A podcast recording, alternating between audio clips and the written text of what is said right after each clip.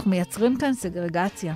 אנחנו מייצרים כאן ערים אה, לעשירים, אנחנו מייצרים שכונות לעשירים, כנגזר מזה אנחנו מייצרים בתי ספר לעשירים, אנחנו מייצרים כאן פערים לא רק בהכנסות, אלא גם במרחב. ואז אתה שולח את החלשים לנסוע ברכבת, והעשירים יכולים לגור בתוך uh, תל אביב. זה לא טוב.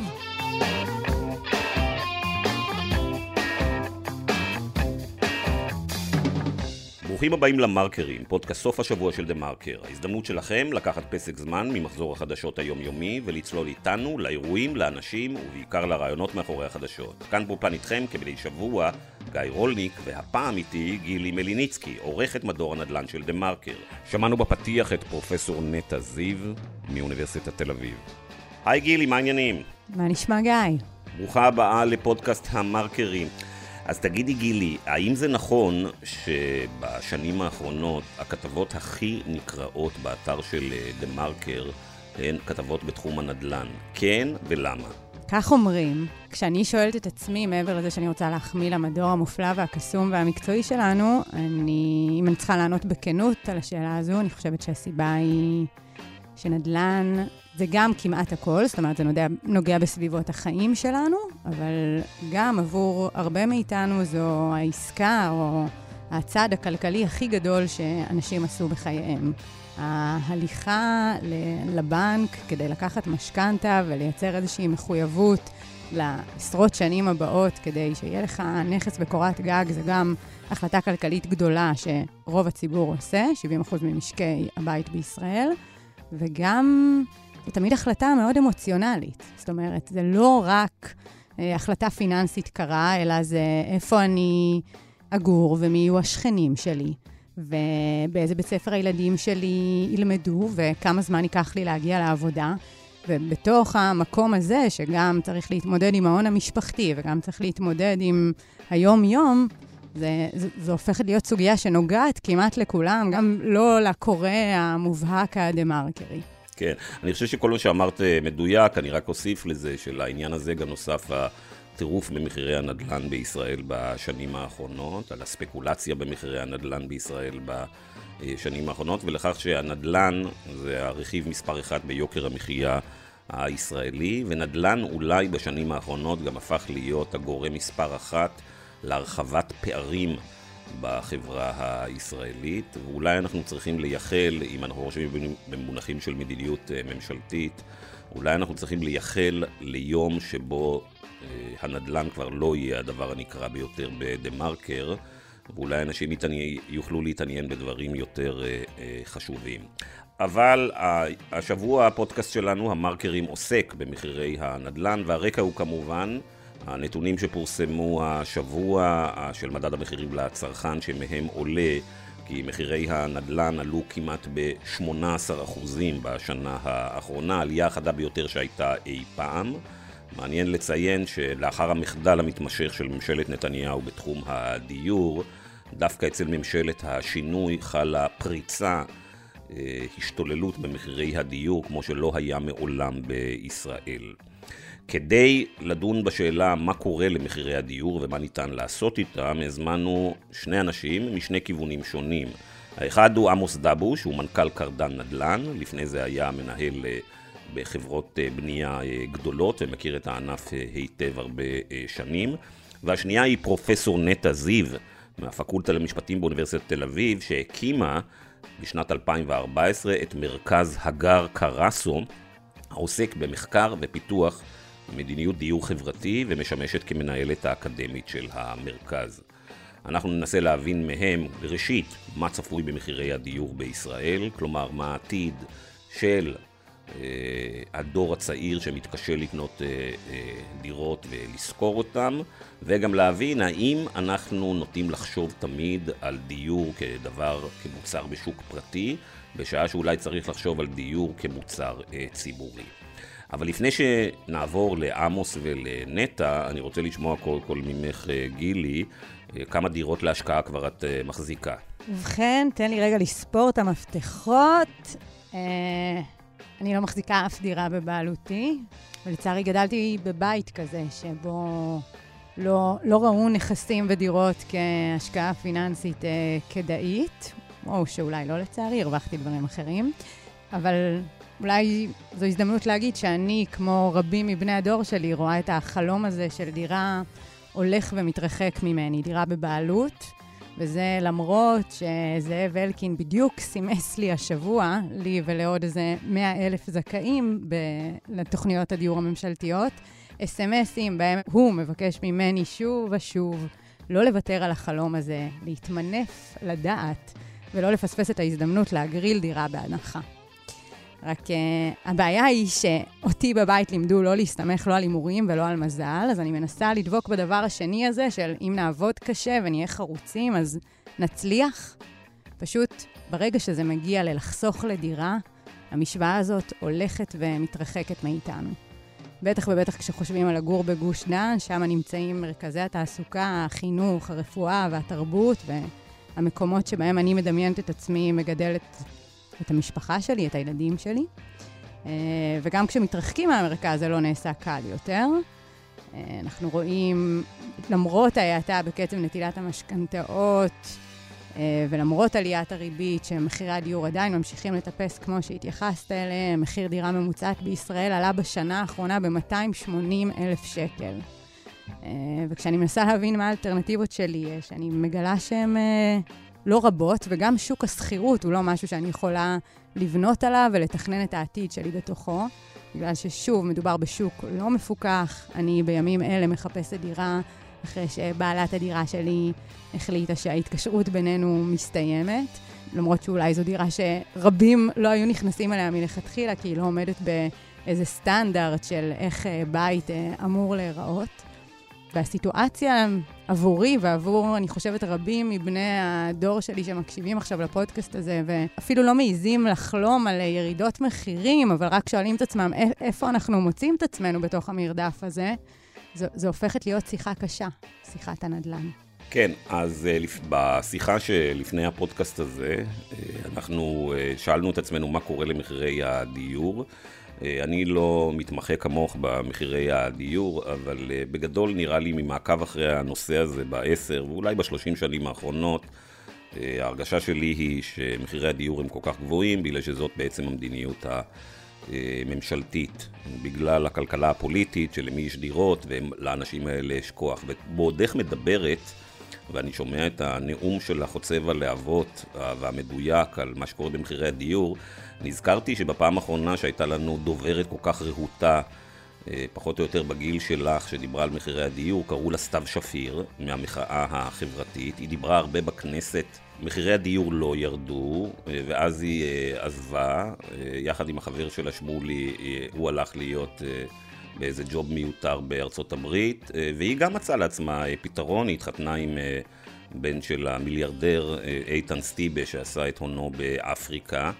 ונראה לי באמת שהיא פתרה לעצמה את אה, בעיית הדיור, אה, כפי שפתרו לעצמם לדעתי חלק לא מבוטל מחברי הממשלה אה, הזאת. לא מזמן ממשלת לפיד, יאיר לפיד עצמו החליט לחסום הצעת חוק ממשלתית שתחשוף את ההון של פוליטיקאים ושל מקורביהם. הוא אמר שהוא לא רוצה שהילדים שלו ידעו כמה הון יש לו, וכך נחסמה הצעת חוק אה, ממשלתית שנראית לי מאוד אה, חשובה.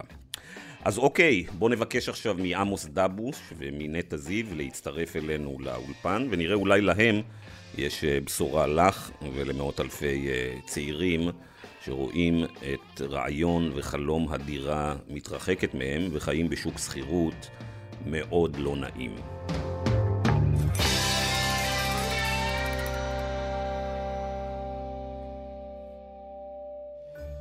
המדינה כל הזמן שמה את זה בחצר האחורית ולא רצתה לדבר על זה וגם לא רצתה לקדם את זה. היום יש 35 כפרים לא מוכרים, אין חשמל, אין תשתיות, אין uh, קופת חולים, יש שם גם מחסור בתעסוקה. תושב uh, שגר בנצרת חי פחות בארבע שנים מאשר תושב שחי במרכז. שיעור הרופאים לאלף נפש במחוז הצפון הוא בין הנמוך ביותר בארץ, כמחצית משיעורם בתל אביב.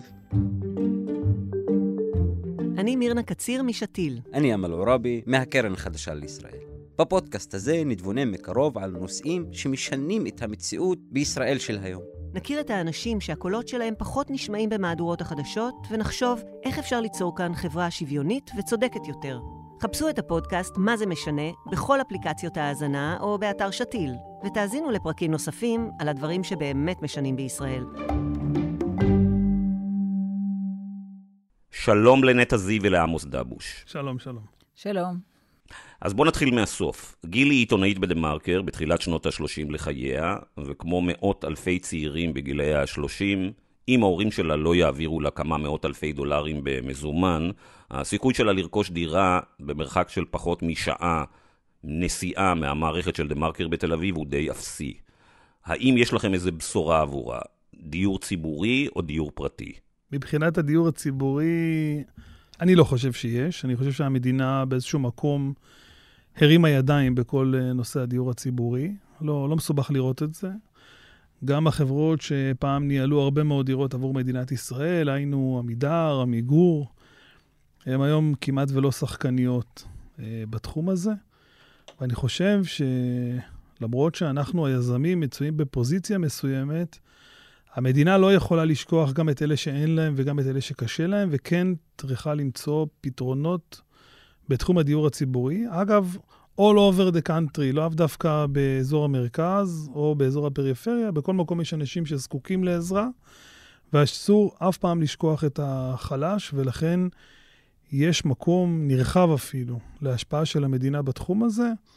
וזו החלטה שצריכה לרדת מלמעלה. זה לא משהו שיזם צריך לקבל uh, החלטה בעניין הזה. אני אשמח להתייחס לזה, כי אם גילי הייתה גרה באמסטרדם, או בווינה, או בלונדון, או בניו יורק, אז בתפריט הזה של, uh, של משאבי הדיור או מוצרי הדיור, לא היה רק uh, עוד דיור ציבורי להכי עניים, שבאמת צריך להיות סופר מסכן כדי לקבל אותם, עוד דיור בשוק החופשי, שנדבר עליו גם, אבל uh, הוא כנראה לא אופציה, כפי שאמרת, גיא, לרבים, אלא הרבה מאוד uh, דברים באמצע. דיור uh, חברתי שמנוהל על ידי עמותות, uh, דיור עירוני, דיור ציבורי עירוני, דיור בר-השגה שמנוהל על ידי יזמים. כל הרפרטואר הזה, אנחנו עדיין לא הצלחנו לייצר אותו.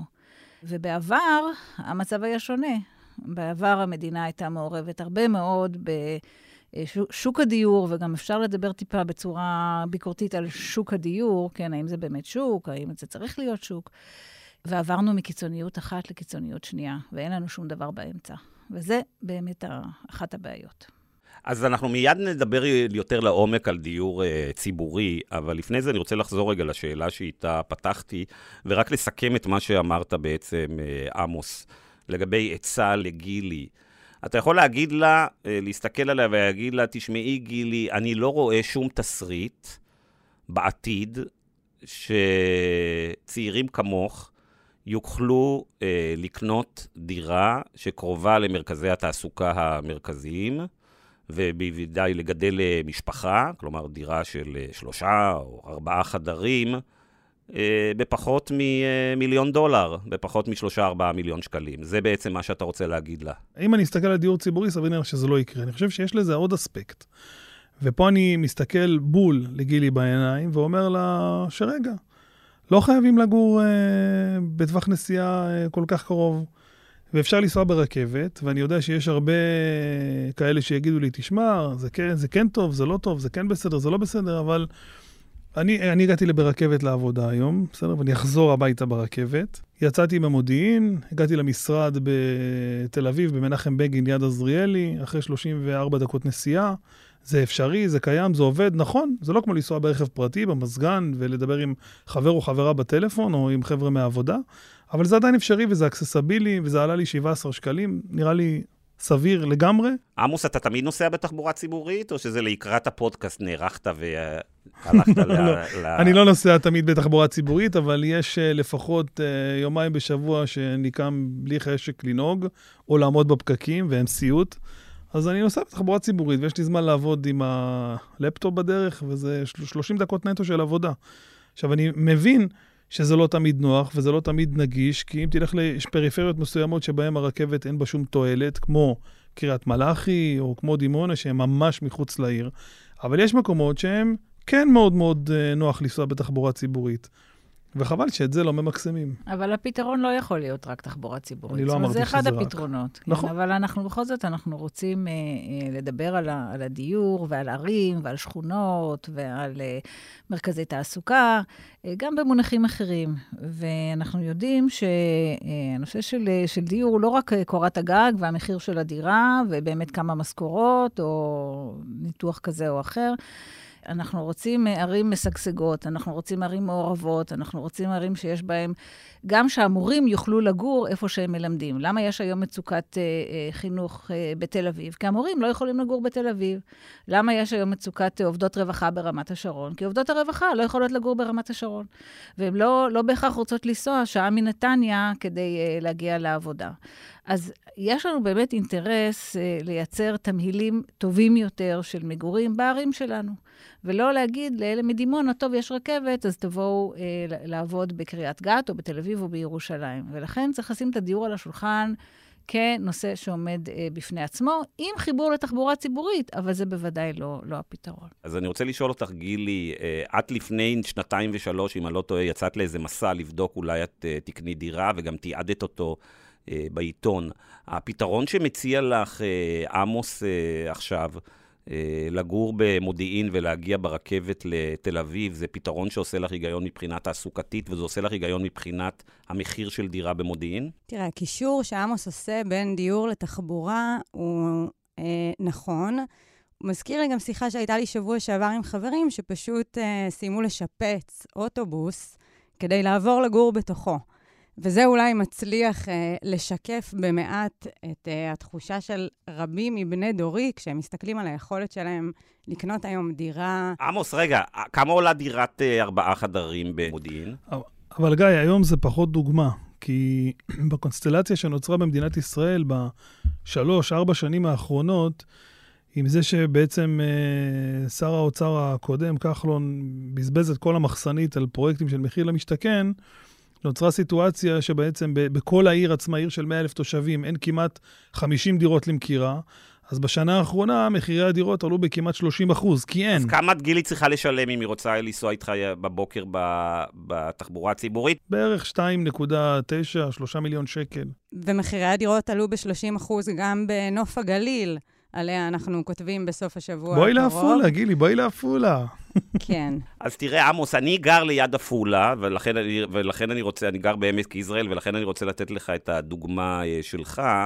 מבחינתי, האירוע הזה של להגיע לתחנת הרכבת, לעלות על התחנת אה, רכבת בעמק יזרעאל ולהגיע לתל אביב, זה אירוע של שעתיים בכל כיוון.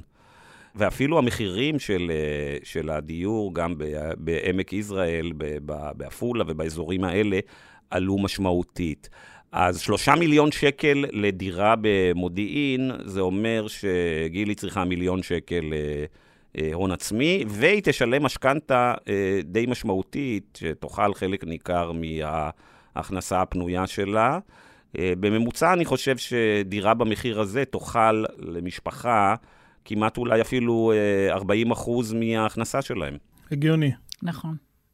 זה המקום להתחיל לדבר על דיור בר-השגה, אני חושבת, ועל הדבר הזה שאנחנו קוראים לו דיור בר-השגה, דיור בהישג יד, אותו דבר, שגם uh, צריך לשחרר אותנו מהפיקסציה הזאת של הרכישה uh, של הדירה.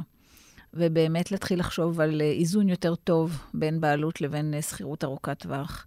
שוק השכירות uh, שלנו היום uh, הוא לא טוב, הוא מבוסס בעיקר על uh, משכירים פרטיים, ללא שום הסדרה, שום רגולציה, כלום. אפילו ניסיון לפני מספר שנים לחוקק את חוק שכירות הוגנת, כדי שיקבע איזושהי מסגרת להתקשרות בין הצדדים, לא, לא צלח. התחלנו בשנים האחרונות לייצר שכירות קונצרנית. יש כבר הכרה ב, גם, גם אצל היזמים, אבל בוודאי גם ב... במשרדי הממשלה השונים שחייבים לפתח את האופציה הזו. אה, היא מתחילה להתפתח, עשינו חצי צעד קדימה, אה, אבל גם מחירי השכירות צריכים להיות אה, כאלה שמותאמים להכנסה של משק הבית, ואולי זה המפתח כאן, שכשאנחנו מדברים על דיור בהישג יד, אנחנו מנסים לייצר איזשהו קשר חזק בין ההוצאה על דיור לבין ההכנסה של משק הבית. ולכן, גיא, מאוד נכון מה שאמרת. יש היום משפחות שמוציאות 40, 50 ו-60 אחוז מההכנסה שלהם על דיור. מה זה אומר? זה אומר שהם לא יכולים להוציא על uh, צרכים בסיסיים אחרים, כמו uh, תרופות, כמו חינוך, כמו uh, מזון.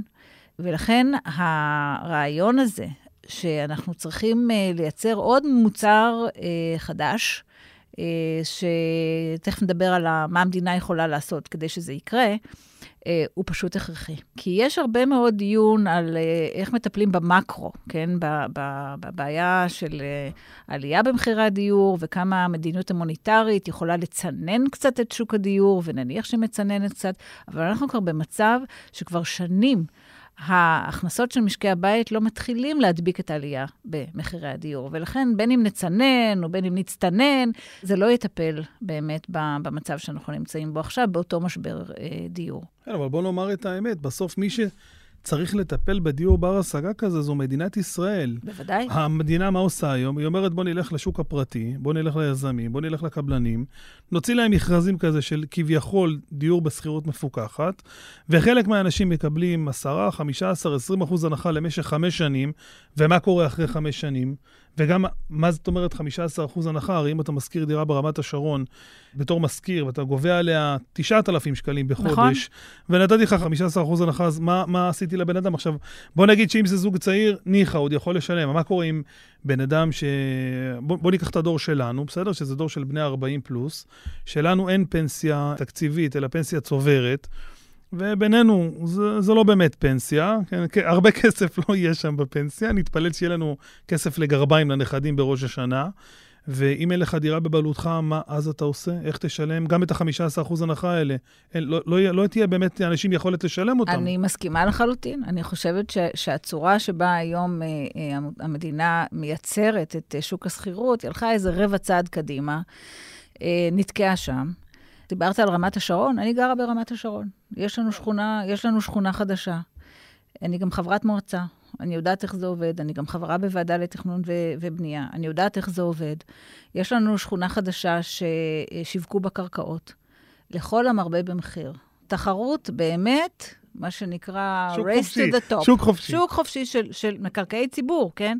אז במקום לעשות שימוש ב, במקרקעים האלה, שהם אה, שלך ושלי ושל העניים ושל uh, כולם, uh, כדי לייצר איזשהו מוצר שהוא משרת גם את העשירונים 3 עד 7, כי העשירונים 8 ו-9 ו-10 כנראה יסתדרו.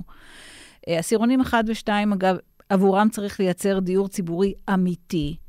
אבל אני מדברת על מחצית האוכלוסייה. אגב, נטע, שאמרת רמת השרון, רמת השרון המערבית זה לא עשירונים 7, 8 ו-9, וגם נכון. לא עשירון עשירי, אנחנו מדברים על מאיון עליון. נכון, ואני חוששת שבשיווקים האחרונים שהיו, אה, בשכונות החדשות שלנו, אנחנו אפילו לא מדברים על עשירון 8 ו-9, משום ש, ששם המחיר הקרקע שווק ב-2 מיליון שקל לדירה. קרקע, אוקיי? אז אנחנו מדברים על מה? 4 מיליון שקל מינימום. לדירה? מינימום. מינימום. אז מי יכול לקנות את זה? זאת אומרת, אנחנו בעצם במדיניות השיווק הזו, ואני מדברת רק על השיווק, כן? יש עוד כלים תכנוניים ו- ו- ומיסוייים ועוד. רק, רק המדיניות השיווק של הקרקע למעשה אה, מריצה לנו את, ה, את המחירים למעלה והופכת את הדירות האלה ללא ברות השגה. עכשיו, בתוך המדיניות הזו יש לנו קצת שכירות, כן? אבל גם השכירות הזו תקועה על 20 אחוז הנחה ממחיר השוק.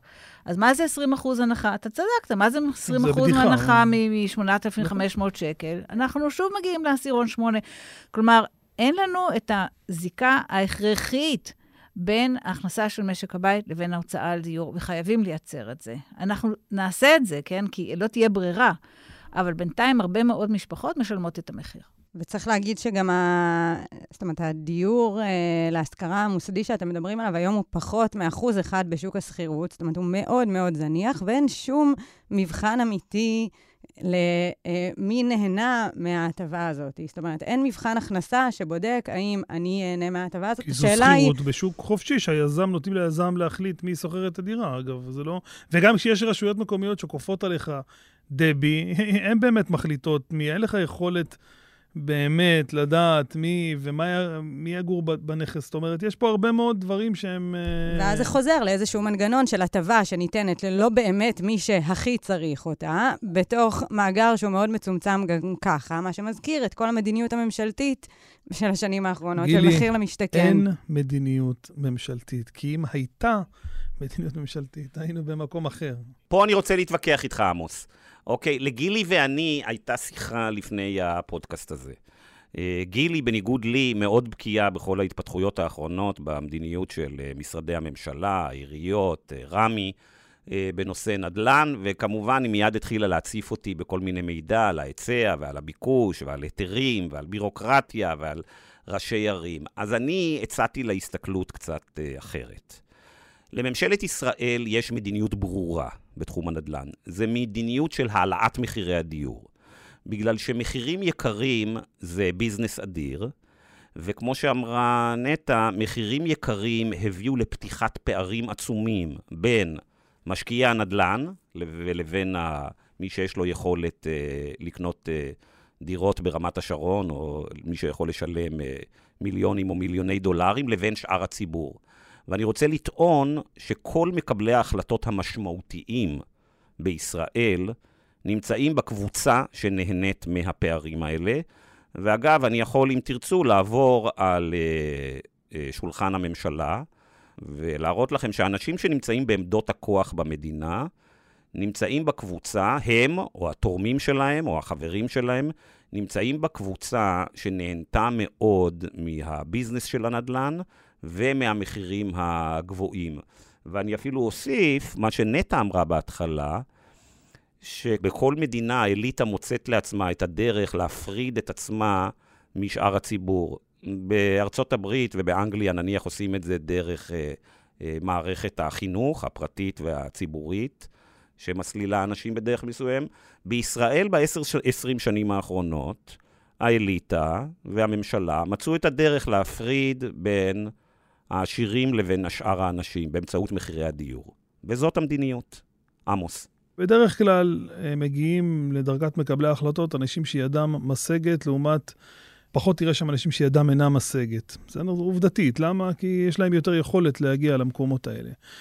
אבל אני חושב שהסיטואציה הפוליטית המורכבת שאליה מדינת ישראל נקלעה בשנים האחרונות, ואני לא מתייחס כאן לעשור האחרון, אני מתייחס לחמש, שש שנים האחרונות בערך, שאז באמת אתה רואה בצורה משמעותית את העלייה במחירים ואת המצוקה האדירה שיש פה, שנכון שהיא לא התחילה לפני חמש שנים, היא התחילה לפני הרבה יותר מחמש שנים, אבל אז לא ראו את זה, לא ראו מה שרואים היום, מצד אחד. מצד שני, אני חושב שככל שהשלטון המרכזי הוא חלש, ככה לשלטון המקומי מתווסף הרבה מאוד כוח. וזה אולי נשמע מעט פשטני, מה שאני אומר, או הדרך שבה אני מציג את זה, אבל זה באמת מה שקורה במדינת ישראל.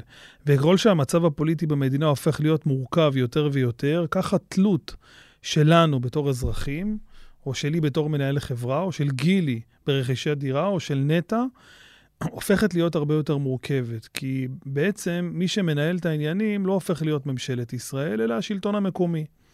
וכשראש עיר מחליט אם הוא בונה או לא בונה, אז ככה אי אפשר לבנות מדינה. זאת אומרת, האינטרסים שלו הם אחרים לחלוטין מהאינטרסים של השלטון המרכזי, ולכן אתה רואה את מה שאתה רואה בשנים האחרונות. המדינה חלשה, הרשויות חזקות, הרשויות המקומיות חזקות, וראש עיר ברצותו לבנות, יבנה, ברצותו לפתח, יפתח. אם הוא לא רוצה, הוא לא יפתח. אם המדינה לא תיתן לו כסף, הוא לא יעשה את זה. אז מה קורה? אנחנו מקטינים את ההיצע בצורה משמעותית, ואין באמת דירות. עכשיו, העניין הזה של המשקיעים, קונים, לא קונים, החונטה הזאת שמנהלת את המדינה, אם היא קונה או לא קונה, הנה, העלו את מס הרכישה. כמות הדירות, ההיצע של הדירות להשכרה בשוק, במדינה, ירד נדמה לי ב-5,000, זה המספר שנקבתם בו? הגיוני בסך הכל, הרי אותו משקיע, גם אותו משקיע שקונה את הדירה בסוף להשקעה, מה הוא עושה עם הדירה? משכיר אותה, היא נכנסת לתוך הלופ הזה של דירות להשכרה. אז אם הקשו עליו את הרכישה, הוא מגלגל את זה למטה, או שהוא מפסיק לקנות דירות, ואז היצע הדירות להשכרה יורד, או שהוא מייקר את השכירות. אוקיי? אני לא חושב שלמישהו יש אינטרס להעלות בצורה כל כך חדה את מחירי הדירות, כי בסוף, מה יקרה? בסוף הרי אנחנו מייצרים פה הבדלי מעמדות כל כך משמעותיים, והופכים את החברה הישראלית לאנשים שיש להם ולאנשים שאין להם. עכשיו, זה שיש לו, לא ממהר לעשות רעש, כי יש לו, לו מה, יש לו מה להפסיד, הוא לא ממהר לצעוק. וזה שאין לו, בסוף יגיע לסיטואציה שהוא יצעק. יקרה פה איזה משהו, זה לא יישאר ככה כל כך הרבה שנים. ואני חושב שלמדינה לא נכון להגיע לסיטואציה הזאת, ולכן היא צריכה לטפל בסוגיה הזאת, אבל אין ממשלה, אז מי יטפל? לא, וגם כשיצאנו לצעוק, אגב, איזה דברים גדולים קרו. זאת אומרת, היינו בנקודה כי, שבה כי הציבור הצעקה, יצא לצעוק. כי הצעקה הייתה ברובה אג'נדה פוליטית של חלק מהאנשים שהובילו אותה. וברגע שזו אג'נדה פוליטית והפוליטיקאים מזהים את זה, הם קצת יותר מתוחכמים, ולכן הם בודדו את הרכיב הזה. כן, במחאה, והופ, היא נעלמה. כי הם נגעו, הם לקחו פשוט את אלה שהיו להם אספירציות פוליטיות והוציאו אותם איתו, זה כמו דוקים. הם פשוט הוציאו את שני הדוקים האלה החוצה, ותראי, זה נעלם. אני אגב מסכים, גילי, עם עמוס, כי כמו שאת רואה, גם מחנה ביבי וגם מחנה לא ביבי, למעט השוליים של שני המחנות האלה, לשניהם בעצם יש את אותה תוכנית בדיוק למחירי הדיור. מה שהממשלה הנוכחית עשתה ומה שהממשלה הקודמת אה, עשתה, את לא שומעת איזה משהו שונה מהותית. מהממשלות. שני המחנות יודעים שצריך למכור דברים אחרים לקהל שלהם. אני אשים את נפשי בכפי ואני אגיד שלהוריד את מחירי הדיור אה, יותר קל מאשר לשים חללית אה, או אנשים על הירח. ואני אתן לכם את הדוגמה של מה שמתרחש בשנה האחרונה בקנדה. שם יש אה, ממשלה שבאמת זקוקה למעמד הביניים, וכנראה לא מצליחים למכור שם את המקבילה הקנדית לביבי לא ביבי, כן שטחים, לא שטחים, וכל הדברים שאנחנו אוהבים מאוד להתרפק עליהם בגלל הזהות שלנו, ומי אנחנו ומה אנחנו. ושם היה מחאה מאוד משמעותית על מחירי הדירות. אז הממשלה אמרה, אין יותר משקיעים זרים, אוקיי? כי הרי כסף לא חסר, מטבע חוץ לא חסר, לא לקנדה ולא לישראל, שזו המדינה עם עודפי מטבע חוץ הכי מהגדולים יותר בעולם. ואתם יודעים מה קרה ברגע שאמרו את זה? מיד מחירי הדיור התחילו לרדת בצורה משמעותית. כמובן, משהו שמאוד לא נוח למאיון העליון הקנדי ולכל משקיעי הנדל"ן, אבל נהדר לציבור. בישראל בעשור האחרון נכנסו סכומי עתק של משקיעים זרים. יש לנו מאות אלפי דירות אה, אה, ריקות. אבל כמובן שאף אחד אפילו לא מעלה על דל שפתיו את הרעיון להגיד, בוא נתעדף את מדינת ישראל לצורך האנשים שידם לא משגת, וכולם רוקדים סביב עגל הזהב של אה, משקיעים זרים, ובכלל סביב הדבר הזה. אז אולי זה לא כל כך מסובך, עמוס? אני קודם כל רוצה לחלוק עליך בנקודה אחת. אין באות, בארץ ישראל מאות אלפי דירות ריקות. נקודה. אין, פשוט אין. אז אולי יש בירושלים אלף או אלפיים דירות ריקות, ובתל אביב עוד כמה, אבל זהו, זה מה שיש פה דירות ריקות, אין יותר מזה. הדירות הריקות שיש במדינת ישראל נמצאות במקומות מאוד מאוד יוקרתיים של אנשים מאוד מאוד עשירים שקנו אותם כדי להגיע לבקר בהם במדינת ישראל, אבל זה לא מספרים כאלה, גיא, אין מספרים כאלה. היום uh, דיברתי עם משרד הבינוי והשיכון וביקשתי את הנתונים. הנתונים האחרונים שיש להם מרשות המיסים מדברים על 40-50 אלף דירות שמוחזקות על ידי תושבים זרים, זה לא מאות אלף. זה, זה לא, כן, אבל זה לא אומר שהדירות האלה ריקות, הדירות האלה רובן מושכרות. גם משקיע זר שקונה פה דירה, לא מחזיק אותה, לא, לא כולם מחזיקים את זה כדירות רפאים, אז אני יכול להסתובב איתך בירושלים, בכפר דוד, ולהראות לך שם אכן בדיוק על מה שאתה מדבר עליו. יש הרבה מאוד דירות ריקות של אנשים מאוד עשירים שמגיעים בחגים לארץ, או ב, ביולי-אוגוסט לוואקנס שלהם, וזה בסדר גמור, כן או לא, זה כבר עניין אחר, כנ"ל בתל אביב, על רצועת אה, חוף הים של תל אביב. אבל לא תמצא את זה בהרבה מאוד אה, שכונות מגורים במרכז הארץ, אלא רק במקומות שאליהם בדרך כלל מגיעים התיירים. אבל גיא, מה שאתה מציע זה איזשהו טיפול קצת יותר אה, רדיקלי בצד הביקוש. עולים רעיונות, יורדים רעיונות, טיפול מוניטרי, מס רכישה. אני מסכימה שזה כלי. אה, בכלל, אפשר ללכת עד הסוף ולומר שדירה זה לא נכס להשקעה, כן? אפשר ללכת ל- ל- ל- לכיוון כזה. צריך להבין, ממשלת ישראל מסבסדת את המשקיעים. למה? בגלל שהסדרי המיסוי... על נדל"ן בישראל, גורמים לזה שהמס הוא הרבה יותר נמוך מאשר למשל בשוק ההון. אם המס על עבודה בישראל לעשירונים העליונים הוא 40-50 אחוז, הרי על מס על אה, דיור הוא דרמטית נמוך, לפעמים חצי, ועם תכנוני מס אפילו שליש. כלומר, ממשלת ישראל יש לה מדיניות לסבסד את משקיעי הנדל"ן. ומה המס על שוק ההון? רווחי הון בבורסה? 25 כן. אחוז.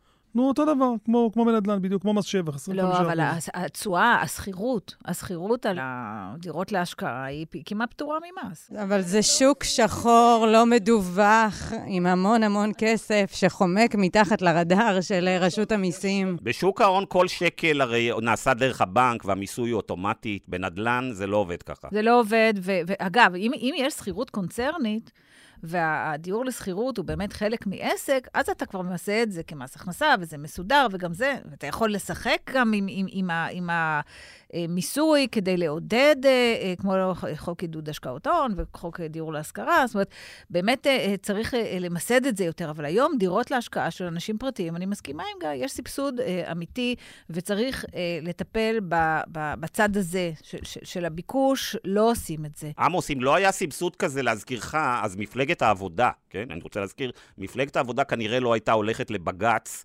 למנוע את החוק של אה, כחלון של דירה שלישית. למה מפלגת העבודה, אוקיי? אני לא מדבר על הימין כמובן, למה מפלגת העבודה הלכה לבג"ץ לעצור את הניסיון של אה, ממשלת אה, נתניהו, כחלון, למסות אנשים שיש להם משלוש עד עשר דירות? בגלל שהבינו שזה ישנה דרמטית את כל, ה, את כל המערך פה.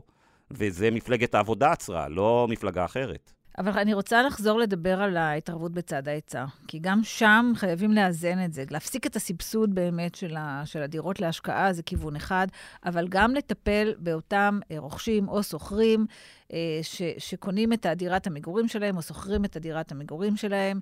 אה, זה מוזנח ו, ו, ולא מדובר, וכאן לא נעשה מספיק. צריכים להבין שיש שוק לדיור בר-השגה. אף אחד לא מתווכח כן, על זה, ועושים אגב. עושים מזה כסף, ועושים מזה כסף טוב, עם רגולציה, ועם קביעת אה, תנאי זכאות, ועם uh, תמריצים.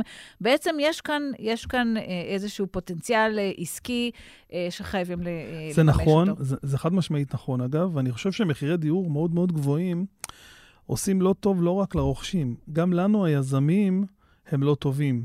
כי זה בסוף לופ שאתה לא, א', לא מצליח לצאת ממנו, ב', זה הופך את השוק למאוד מאוד מסוכן. לנו, זה תמיד נראה מהצד כאילו אנחנו בעד, שזה יעלה ויעלה ויעלה ולא יפסיק אף רגע, פעם. רגע, עמוס, אני לא מבין משהו. דה מרקר מפרסם מדי שנה את רשימת 500 העשירים בישראל, ואני רואה שמאז שהתחלנו לפרסם אותה לפני 20 שנה, אני רואה שמספר יזמי הנדל"ן שמופיעים ברשימה הזאת רק אה, עולה. אה, אני זוכר שאתה עבדת לא מזמן אצל יזם נדל"ן אה, גדול, שהתחלנו לפרסם את הרשימה הזאת, ההון שלו היה כמה עשרות מיליוני דולרים, ולאחרונה הוא הפך לאחד המיליארדרים בישראל. אז למה אתה אומר שמחירי הדיור זה לא טוב ליזמים? זה שאנשים רוצים להתפרנס גם בהייטק, אם, אם uh, תבדוק את רשימת 500 העשירים בדה-מרקר לפני 10 או 15 שנה, לא ראית הרבה מאוד מתעשרים מההייטק, והיום אתה תראה הרבה מאוד מיליארדרים מההייטק, אז זה טוב או לא טוב? זה אבל, תורם או אבל לא זה תורם? בדיוק העניין, עמוס, שאי אפשר להשוות בין הייטק לבין uh, מחירי uh, דיור. בשוק הדיור, עליית הערך שנוצרת, היא לא מייצרת ערך לכלכלה, אלא זה רק העברת עושר מקבוצה אחת באוכלוסייה לקבוצה אחרת, ממעמד הביניים לאלה שמחזיקים בקרקעות. העושר הוא עובר. כשמחיר נדל"ן עולה, לא נוצר ערך כלכלי אמיתי למדינה. אוקיי. לעומת זאת, ששווי של חברת הייטק עולה, באמת נוצר ערך כלכלי אמיתי. יש פה עסקים שמייצאים, שהופכים את החיים ליותר יעילים. דירה היום שעולה מיליון דולר, ועלתה לפני 20 שנה 300 אלף דולר, היא לא דירה יעילה יותר טובה, או שנותנת משהו יותר טוב. זה פשוט עליית ערך, היא לא מייצרת שום ערך לכלכלה. כן, אבל ת, ת, תבדוק את כל הגורמים, א', שגרמו לעלייה הזאת, ומי נהנה מהעלייה הזאת, ומהעלייה הזאת לא נהנה רק אותו יזם. מהעלייה הזאת נהנית מדינת ישראל, 50% מהדירה זה עמוס, כמעט... אם זה באמת הייתה רק המדינה שנהנית, אז היינו מרוצים. למה? כי המדינה הייתה מחזירה את זה לכל הציבור, וזה היה סכום אפס. אבל היא לא מחזירה את זה לכל הציבור, כי אנחנו רואים את הפערים העצומים שנטע דיברה עליהם בין אלה שמחזיקים בנדלן, לבין אלה שאין להם נדלן. אז הפערים גדלים, אז כנראה שבסוף המדינה לא לוקחת את זה לעצמה ומחלקת את זה לציבור, אלא מעבירה את זה לחזקים. אין חולק עליך לגבי זה שה, שהפערים גדלים. על זה אנחנו לא מתווכחים. אנחנו כן נתווכח על דבר אחד. בסוף, מכל מחיר דירה, הרבה עשרות של אחוזים, כן, חוזרים למדינת ישראל.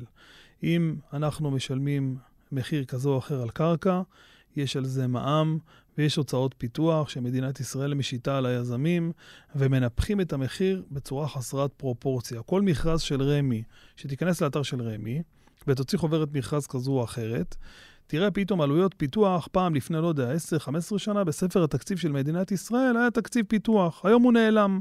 למה? כי מה המדינה אומרת? היא אומרת, אם גיא רוצה לגשת למכרז, יתכבד, ייגש למכרז, ישלם את הכסף, אנחנו נמסור לו את הקרקע בעוד שנתיים, כי מהכסף שגיא ישלם, אנחנו נעשה את הפיתוח, לא המדינה תפתח. אוקיי? אני בתור יזם זכיתי במכרז, אני מקבל את המגרש שנתיים אחרי שזכיתי, כי אין פיתוח, כי מממנים אותו מהכיס שלי, ובסוף מה חושבים? שעל מי זה יתגלגל? לא הבנתי. זה בסוף מתגלגל הלאה, כי אני צריך לשלם גם את הכסף של הפיתוח, גם את עלויות המימון של הפיתוח הזה, גם את, התארכ... את משך ההתארכות של הביצוע, בגלל זה הכל עולה כסף. אז נכון שאם בעשר שנים האחרונות מחירי הדירות עלו בכזאת צורה חדה, ויזם קנה קרקע לפני עשר שנים, אז בוודאי שהוא יתעשר הרבה יותר, או ירוויח הרבה יותר כסף על אותה דירה. כיוון שאם הוא יכול היה למכור אותה לפני חמש שנים ב-100 שקל, והיום הוא יכול למכור אותה ב-120 שקל, אז אותם 20 שקלים תנקה את עלויות המימון, זה רווח, כי המחירים עלו. נטע, את יודעת, הנרטיב הזה של עמוס, שבסופו של דבר, הוא מוכר לי היטב, אני שומע את זה הרבה מיזמים ואנשים אחרים, ש... אה, בסופו של דבר אנחנו משלמים מיסים עצורים לממשלה.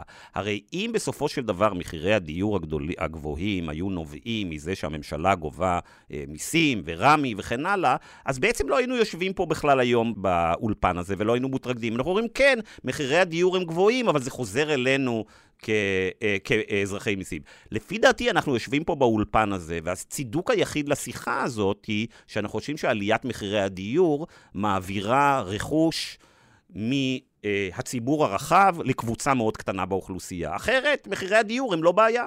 לא, הם, הם, הם לא יודעת אם מעבירה לקבוצה קטנה, אנחנו, אפשר, אפשר, אפשר לדבר על זה, אבל היא בטח לא חוזרת כדי לסבסד את הדיור עבור כאלה שלא יכולים לקנות בשוק. זה מה שהייתי מצפה. שאם כבר משווקים בצורה מרבית, אז בואו נייצר עם העודפים שנוצרו, בואו נייצר את אותה סובסידיה, שאתה רואה אותה הממשלה הפדרלית בארצות הברית. יש להם כלי מדהים שמייצר היום אה, אה, את רוב הדיור בר-השגה בארצות הברית, שהוא בעצם איזושהי תעודת מס, Low Income Housing Tax Credit, שבה המדינה נותנת ליזמים כסף. אגב, יש שוק משני לאותה הטבה, כדי שייצרו דיור שהוא מושכר ל-20 שנה, 30 שנה, 40 שנה, בפחות ממחיר השוק. יפה, אני רוצה את הכלי הזה. אבל המדינה לא מחזירה את ההיטלים ואת ההכנסות מהקרקע, היא לא מחזירה לתוך שוק הדיור כדי לייצר לנו באמת איזשהו סבסוד למי שצריך. Okay? אוקיי? בד בבד, מייבשים את הדיור הציבורי, כך שגם עשירונים 1 ו-2 צריכים לעמוד אה, אה, בתור כדי לקבל אה, אה, דירה בבעלות אה, המדינה. אין לנו דיור ציבורי, אין לנו דיור בר-השגה, עושים תיקונים כאלה בשוליים לצנן שוק דיור אה, בוער. וזאת המדיניות, זה הכשל אה, במדיניות. ואני רק רוצה ל- ל- ל- לומר עוד דבר, שאנחנו גם לא, אני, אני חוזרת על הדברים שאמרתי בהתחלה. אנחנו מייצרים כאן סגרגציה, אנחנו מייצרים כאן ערים אה, לעשירים, אנחנו מייצרים שכונות לעשירים, כנגזר מזה אנחנו מייצרים בתי ספר לעשירים, אנחנו מייצרים כאן פערים לא רק בהכנסות, אלא גם במרחב. אנחנו יוצאים פה מדינה עם אריסטוקרטיית נדל"ן, כמו בסוף המאה ה-19, קראו לזה The Landed Aristocracy. לא, יש לזה גם ביטוי מרחבי, ואז אתה שולח את החלשים לנסוע ברכבת, אה, והעשירים יכולים לגור בתוך אה, תל אביב. זה לא טוב. זה פשוט מדיניות חברתית לא נכונה. כן, אבל זה נשמע מההסברים של שניכם, אגב, שהמדינה לא עושה את מה שצריך, ואני לא מצליחה להבין למה המדינה לא עושה את מה שצריך. יושבים שם אנשים עצלנים, יושבים שם אנשים... ש... מה זאת לא- אומרת? זה לא מעניין. אוקיי, את נבחרי הציבור שלנו זה פשוט לא מעניין, מעניין אותם. כנראה שיש דברים אחרים שמעניינים אותם. אני חושבת שיש איזו קונספציה, הייתה איזושהי קונספציה אה, שננעלו עליה, וזה מחיר למשתכן. אה, קונספציה שהיטיבה... שגויה מיסודה. נכון, אני מסכימה, אה, ואתם יודעים איך זה, כש, כשננעלים על משהו, אז עושים אותו עד הסוף, אחרי זה ביטלו אותו, ואחרי זה החזירו אותו, ואחרי זה החזירו אותו חלקית, אבל לקחו באמת מיליארדים של הנחות במחירי הקרקע. מעל 25 מיליארד שקל. מעל 25 מיליארד שקל, ובואו נבדוק מי באמת נהנה מהסובסידיה הזו. באזורי ביקוש נהנו עשירונים 8 ו-9. בעפולה נהנו, אם נהנו, אם כי נהנו, יש הרבה בדיוק. דירות שלא הצליחו למכור, אה, אוכלוסיות יותר חלשות, אז גם זה, זה, זה מהלך רגרסיבי, אבל ננעלו עליו. מאוד מאוד קשה לדבר היום עם הרגולטורים, עם הפוליטיקאים, על צורה אחרת של ניהול תחום הדיור. אה, שוב, בגלל שאני אה, חושבת שלא הפנמנו את זה, שהמדינה היא זאת שקובעת את גבולות הגזרה של השוק. שוק הדיור איננו באמת שוק חופשי. עמוס ונטע, אתם מכירים קצת אה, פוליטיקאים. בואו נסתכל רגע על הממשלה שהייתה פה בשנתיים האחרונות, ותגידו לי, האם אתם חושבים שבנימין נתניהו ונפתלי בנט ויאיר לפיד ואיילת אה, שקד רוצים לראות ירידה של 30% במחירי הדיור בישראל? אם להיות איתך כן, וישר והגון, אני לא חושב שהם רוצים לראות ירידה כל כך חדה של מחירי הדירות. אני חושב שלמישהו יש... זה לא חד, זה רק להחזיר את זה חמש שנים אחורה. לא, 30 אחוז זה, זה התרסקות של המדינה. 30 אחוז זה התרסקות.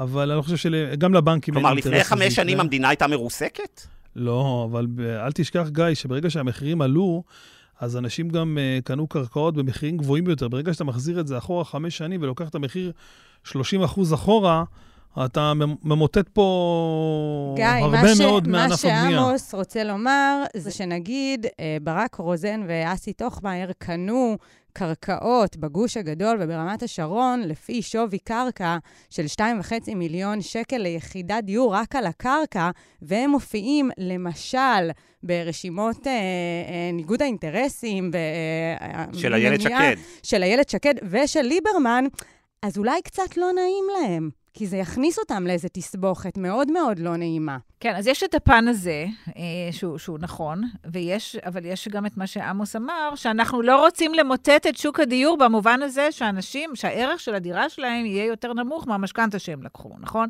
אז יש פה גם איזשהו ניתוח, אבל אף אחד לא מדבר על זה, גיא, אף אחד לא מדבר על להוריד את מחירי הדיור ב-30 אחוז. אנחנו כרגע נמצאים באיזשהו מקום שמחייב תיקון, אבל גם מחייב אה, אה, איזושהי פריסה יותר נכונה של מוצרי הדיור שלנו.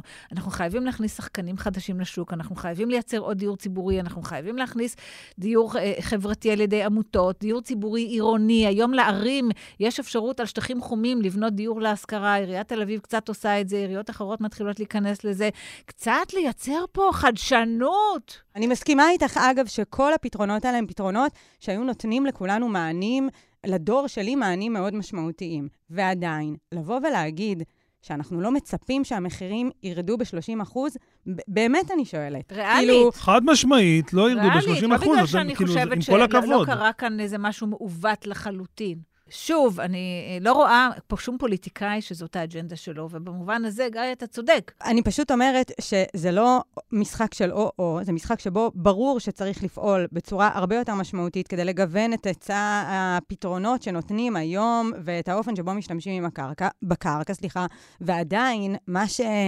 אני חושבת עמוס מנסה להגיד, זה, זה לא רק אנחנו, חברות הנדל"ן, עלולות לקרוס, זה גם הבנקים שנותנים את המשכנתאות לכל הציבור על בסיס שבעים מסוימים, וזה גם החברות שעושות מדי רבעון שערוכים לשווי הקרקעות שלהם ויכולות לנפח עוד ועוד משע... את השווי שלהם. לא, את השווי של הקרקעות שמלאי עסקי אי אפשר לשערך, מסתכלים עליהם בערך הקנייה. ואת הנכסים? נכסים זה משהו אחר, זה תקנים, נדל"ן מניב זה משהו אחר, שימי אותו רגע בצד. אוקיי. אבל... למרות שאין סיבה, כי זה נובע עוד פעם מאותו מנגנון של אנחנו ממשיכים... אם, להתייח... אם הציבור הישראלי ממשיך לקנות בקניון, אז מי שיש לו קניון ומשכיר שם חנויות, יכול לגבות תשלום גבוה יותר בדמי השכירות, כי אותו שוכר חנות... אה, עמוס, אז אתה בעצם אומר לנו שמחירי הדיור הגבוהים גם מתגלגלים ליוקר המחיה. א', מחירי הדיור הגבוהים בה, ודאי שהם מתגלגלים ליוקר המחיה. כלומר, שאם אנחנו אומרים, אנחנו לא רוצים להוריד את מחירי הדיור, לא, אולי 30 אחוז קצת מבהיל, אבל ב-20 אחוז בעצם אנחנו רוצים להגיד שאנחנו גם לא רוצים להוריד את יוקר המחיה בישראל. אנחנו רוצים להוריד את מחירי ה... את יוקר המחיה, ואני חושב שאנחנו צריכים להיות זהירים באחוזים שאנחנו נוקטים כלפי הורדת מחירי הדירות, מהרבה מאוד סיבות שדיברנו עליהן עד עכשיו. אני כן חושב, יותר מזה, שהמדינה... צריכה, מעבר לעניין אה, מחירי הדירות, צריכה לדאוג דאגה עמוקה ומשמעותית לאלה שאין להם את היכולת, במקביל למיתון שוק הדיור. זה ייקח לא מעט שנים, גיא. אבל תסתכל לגילי בעיניים ותגיד לה שהמסר שלך זה שאתה רוצה למתן את מחירי הדיור. אם לא תהיה ירידה של שליש במחירי הדיור, גילי לא תקנה דירה, ולא רק שהיא לא תקנה דירה, אלא מהר מאוד גם מחירי השכירות כל הזמן עולים, היא גם לא תוכל לשכור דירה. וגילי, לא הנזקקים. עוד פעם, אנחנו מדברים פה על משבר של מעמד הביניים, אנשים שעשו את... הם מקיימים את החוזה שלהם עם המדינה, הם עובדים, הם משלמים מיסים, הם מקימים משפחות, הם עושים את מה שצריך. ו-they can't make it, כן? אז, אז אני לא, לא צריך לדבר על הנזקקים. המשבר היום הוא עד עשירון 7, 8, זה רוב המדינה. גילי, המילה האחרונה שלך. אני עדיין לא מבינה מי הרע המוחלט בסיפור. זה לא רע וטוב. למה? ככה, כי נקלענו לסיטואציה. מה זה נקלענו? זה לא נקלע, לא קרה מדינת במקרה. ישראל נקלעה לסיטואציה מורכבת, שבה אין בעל הבית. אין ממשלה מתפקדת כבר הרבה מאוד עמוס, שנים. עמוס, הייתה פה בעל הבית במשך עשר שנים. לנתניהו הייתה ממשלה חזקה וברורה במשך עשר שנים, וזה היו עשר השנים עם עליית מחירי הדיור הגבוהה מקום המדינה. הוא בחר לטפל בדברים אחרים, ולא בזה. אם הם מטפלים לא, בזה, לא, לא נקלענו. ונותנים לזה את תשומת לב, אז כנראה לא היינו, לא, נקלענו, כי אף אחד לא, לא בחר לא, לטפל לא, בסוגיה לא, הזאת. לא נקלענו, זאת אומרת, חוסר מעש, זה, זה לא נקלענו. לא, אבל גם מה שאתה מדבר ברמת הבחירה, זאת אומרת, אז, אז זו כן בחירה, ואני מקווה שמתוך 120 חברי כנסת, יהיה לפחות אחד, שניים, שלושה, או אולי מפלגה שתחשוב עליי ותבחר בלראות לא את... אני אגיד לך מה הבעיה עם זה, גילי. את יודעת, קודם כל, מתוך 120 חברי כנסת, אנחנו לא יודעים כמה מהם משקיעים בנדל"ן, ואת יודעת למה אנחנו לא יודעים את זה? בגלל שהייתה הצעת חוק אה, אה, ממשלתית, שאנחנו נדע את אה, איזה מחברי הכנסת והפוליטיקאים מחזיקים בנדל"ן, והיא נפלה לפני חצי שנה, ומי הפיל אותה? יאיר לפיד, ראש ממשלת השינוי. למה הוא הפיל אותה, עמוס? נטע, תסבירו לי בבקשה את ההיגיון. נטע, את מומחית למשפט. למה לא טריוויאלי שהציבור שהוא בא לבחור ידע האם הבוחרים, אם הפוליטיקאים שהוא מצביע עבורם מחזיקים נדל"ן במיליון דולר או בעשרה מיליון דולר? תסבירי לי את ההיגיון. אין שום היגיון בזה. עמוס, מה ההיגיון בזה? אני, אני לא מבין את ההסתרה. בעיניי חשוב שכל איש ציבור... ייתן uh, הצהרת uh, הון או הצהרה על מה שיש לו. זה לא, אני לא רואה בזה שום דבר פסול, אגב. ועדיין אני חושבת שבמדינה שבה 70% ממשקי הבית מחזיקים בבעלות על דירות, אנחנו לא התייח... יכולים להתייחס לכל מי שיש לו דירה כאל אינטרסנט. אז תשאלי את, תשאלי את ממשלת השינוי, למה הם לא רצו לפרסם את הצהרות ההון שלהם? כנראה שיש סיבה. בסוף, בסוף, בסוף, הרבה מאוד מהמשקיעים האלה שיש להם דירה שנייה, ואולי גם דירה שלישית, בסדר? בסוף זה האוכל שלהם בגיל 65 ו-67, אי אפשר להתעלם מהעובדה הזאת. יש הרבה מאוד אנשים במדינת ישראל, הרבה מאוד במדינת ישראל, שעוד עשר שנים, לא, אם לא תהיה להם עוד דירה, הפנסיה שלהם תהיה עלובה. אגב, זו טענה שאני שומעת, אבל היא לא נבדקה אמפירית. אוקיי? ולכן, אה, תמיד אפשר להביא דוגמה כזאת או אחרת. מה כן נבדק אמפירית במדינת לא, ישראל? הלמ"ס זה בדיקה אמפירית? לא, אה, לא אה, שוב, אנשים שיש להם 2, 3, 4 ו-5 דירות, אני לא יודעת עד כמה מהם, כמה מהם הם כאלה שאין להם פנסיה, והם צריכים את השכר דירה הזה. עמוס, אני יכול להרגיע אותך, מי שטרפד את מס דירה השלישית זה אלה שיש להם 7, 8, 9 ו-10 דירות. אלה אנשים שיש להם כוח פוליטי. אותה גברת שיש לה פנסיה, שיש לה דירה או שתיים, וזה הפנסיה שלה, לה אין כוח פוליטי, והחוק לא כוון אליהם. החוק כוון לאלה שמחזיקים דירות בסכומים מאוד גדולים, ולהם יש את הכוח הפוליטי. ואגב, עוד נתון מעניין שמופיע בדוחות הכלכלנית האחרונים, הם שרוכשי הדירות, למרות שאנחנו מיהרנו, או דיברו בתקשורת, זה לא אנחנו, אבל דיברו בתקשורת על אנשי ההייטק, שהם אלה שרוכשים את הדירות, הרבה ממי שרוכשים את המשקיעים, הם דווקא אה, עובדי מדינה. וגמלאי צה"ל, שהם גם נהנים מהפנסיה התקציבית וגם נהנים מהטבות חבר. אנחנו, ו... לא, אנחנו לא מצליחים לייצר שום אופטימיות פה באולפן, אז אני מציע שהדבר היחיד האופטימי שנוכל לעשות זה לה, אה, לסיים את השיחה הזאת. עמוס דבוש ופרופסור נטע זיו, תודה רבה שבאתם לאולפנינו. תודה, תודה. תודה, תודה, גיא. תודה, גילי.